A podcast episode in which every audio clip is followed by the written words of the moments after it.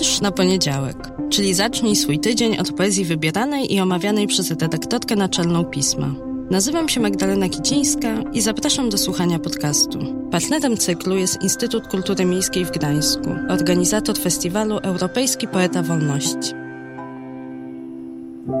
Dzień dobry. W trzecim odcinku podcastu chciałabym Wam opowiedzieć o jednym z dwóch wierszy, które publikujemy w Ludowym Piśmie. Do tej pory w tej bardzo długiej historii podcastu, bo aż dwa odcinki dla Was nagrałam, mówiłam o wierszach, które napisały kobiety, i w tych wierszach kobiecość gdzieś wybrzmiewała. To nie znaczy, że uważam, że wiersze pisane przez kobiety są zawsze kobiece, a wiersze pisane przez mężczyzn są męskie, bo w takie podziały nie wierzę. Natomiast tamten wybór podyktowany był akurat taką wrażliwością, która mi jako czytelniczce, a nie czytelnikowi jest szczególnie bliska. Ale tym razem wybrałam wiersz mężczyzny, Szczepana Kopyta, poeta i muzyka, który wydał już kilka tomów wierszy, ale też nagrywa razem z Piotrem Kowalskim w duecie Kopyt Kowalski bardzo ciekawą muzykę, bardzo ciekawe są te dźwięki i te słowa, które oni razem wypuszczają w świat, więc bardzo Wam to polecam. Bardzo Wam polecam zapoznanie się z twórczością Kopyta.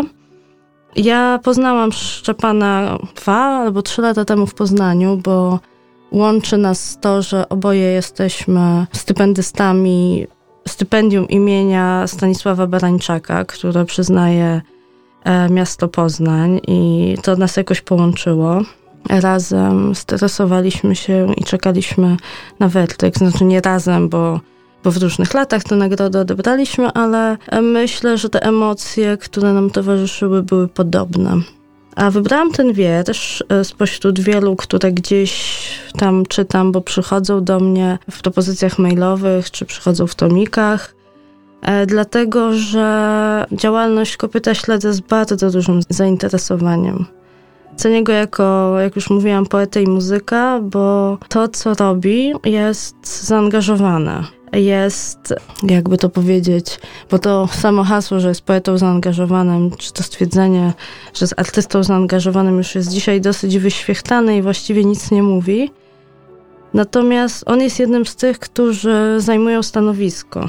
Nie boją się komentować otaczającej rzeczywistości, zabierają głos w sprawach, które są dla nich ważne, bo tu dotykamy kwestii, o której mam nadzieję uda nam się kiedyś porozmawiać E, używam liczby mnogiej celowo, bo mam nadzieję, że już niedługo obok moich monologów pojawiają się tutaj również dwugłosy albo wielogłosy, czyli goście i gościnie.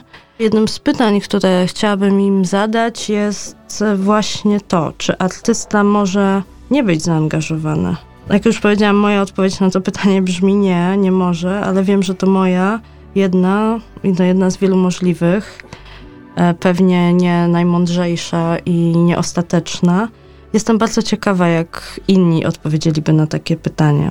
Ale wracając do Szczepana Kopyta, razem z Kowalskim nagrali w 2013 roku utwór, w którym pytali, kto zabił Jolantę Brzeską. To mocny tekst o działaczce ruchu lokateckiego, której zwęglone ciało znaleziono w Lesie Kabackim w 2011 roku a dwa lata później z powodu niewykrycia sprawców prokuratura umorzyła postępowanie w tej sprawie. O pisała w nagrodzonym reportażu, w nagrodzonym Grand Pressem reportażu również Iza Michalewicz i jeżeli ktoś, chociaż myślę, że, że ta sprawa e, jest wam znana, ale jeśli nie, to zapraszam, polecam powrót do tego tekstu.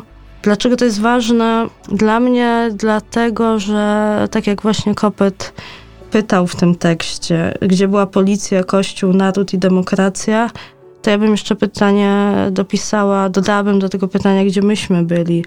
Ta sprawa poruszyła z jednej strony lawinę, bo od niej zaczęło się zainteresowanie mediów tematem reprywatyzacji, ale też jest bardzo symptomatyczna, bo zaczęła się i skończyła w bardzo takich enigmatycznych okolicznościach i tak naprawdę Niewiele się dowiedzieliśmy, nikt nie został ukarany za śmierć Jolanty Brzeskiej i zostaliśmy właśnie z takimi pytaniami, które udało się e, Kopytowi zapisać. I bardzo jestem wdzięczna Szczepanowi Kopytowi za to, że ten tekst powstał. A na marginesie wspomnę, że o Jolancie Brzeskiej piosenkę, chociaż to bardziej utwór, słowo utwór tu pasuje niż piosenka. Chociaż nie tylko o niej, bo jak mówił tytuł, to jest piosenka o różnych rzeczach.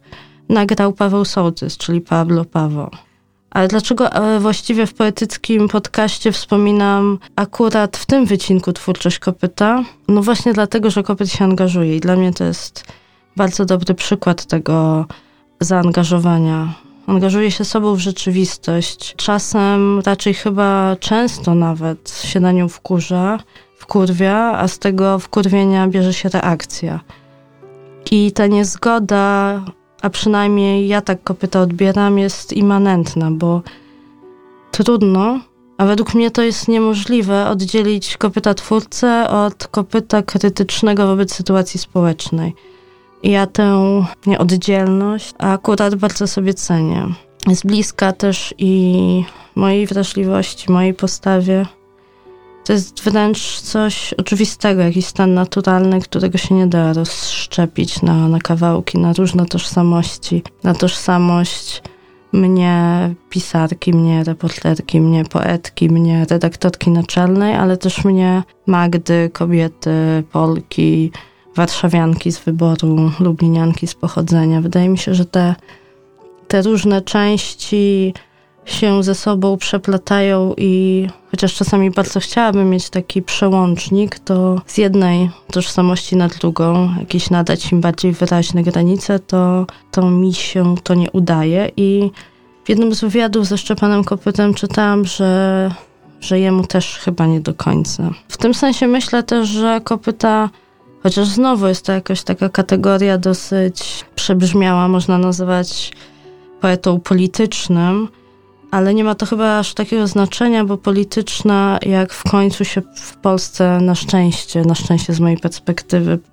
przekonujemy, wszystko jest polityczne. Od decyzji o tym, jakie media wspieramy, jakich audycji słuchamy, jakich autorów czytamy, po to, czy nie wiem, na obiad jemy czy jemy placek z cukinii. Nie wiem, czy jest placek z cukinii. To właśnie widać, że ja się nie bardzo znam na kuchni, ale chyba można placki, tak, można placki z cukinii smażyć, więc wszystko to jest jakimś wynikiem naszych, czy sumą naszych wyborów i, i ma tę charakterystykę, czy te kategorie mm, polityczności jako cechy wpisanej w każde nasze działanie.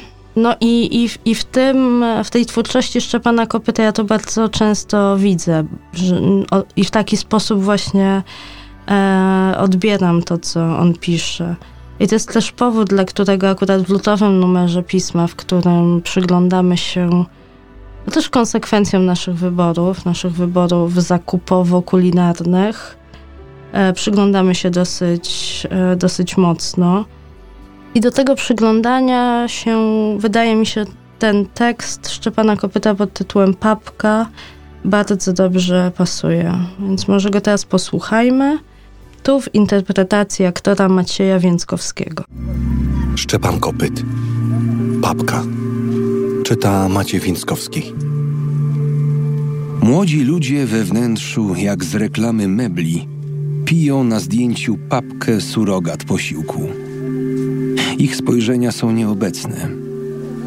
Być może kiedyś rzeczywiście odłożą z pensji za udział na planach innych filmów i sesji. Na taki remont, na bycie ze sobą dalej i mieszkanie w nieco gorszym, ale jednak standardzie. Być może nie wpadną w nałogi, być może służba zdrowia będzie dla nich łaskawa, bo mają w rodzinie kogoś, kto zna kogo trzeba, gdy ich rower, deskorolkę czy żwawy krok zmiażdży połyskliwy samochód udający jeepa. I może wtedy akurat przyjdzie im do głowy, że nowy standard i nowe choroby wielu pracowników odżywianych glutem zamiast żarciem, by wycisnąć z nich więcej, to także ich wina choć nie wiedzieli, co czynią. choć należałoby wątpić. Wiersz ukazał się w 25. numerze miesięcznika Pismo, magazyn opinii. Czytał Maciej Więckowski. Wybrałam go, bo bez znieczulenia ogląda się kopyt tym wietrzem dookoła nas. Notuje, co widzi w naszych oczach, konfrontuje z pośpiechem, z brakiem refleksji, z więcej, bardziej, lepiej, szybciej, z konsumowaniem. To nie jest widok jak z folderu, ani serialu o pięknych, młodych z wielkich ośrodków. Ten obraz jest może nawet przykry, niewygodny, może trochę uwiera. I bardzo dobrze, niech wietrz uwiera. To właśnie wydaje mi się, to chciałabym, żeby robiła poezja w piśmie, ta, którą publikujemy. A w to, że poezja powinna uwierać, akurat nie należałoby wątpić. I mam nadzieję, że trochę Was ta, to spotkanie z poezją Szczepana Kopyta, z tym konkretnym wierszem, które, które mam nadzieję będzie wstępem do zapoznania się z jego innymi tekstami, że trochę to pouwiera i że coś w Was otworzy. A za tydzień zapraszam w, na krótką podróż dwuodcinkową. Pierwszy odcinek już za tydzień do krajów nadbałtyckich. Dziękuję bardzo.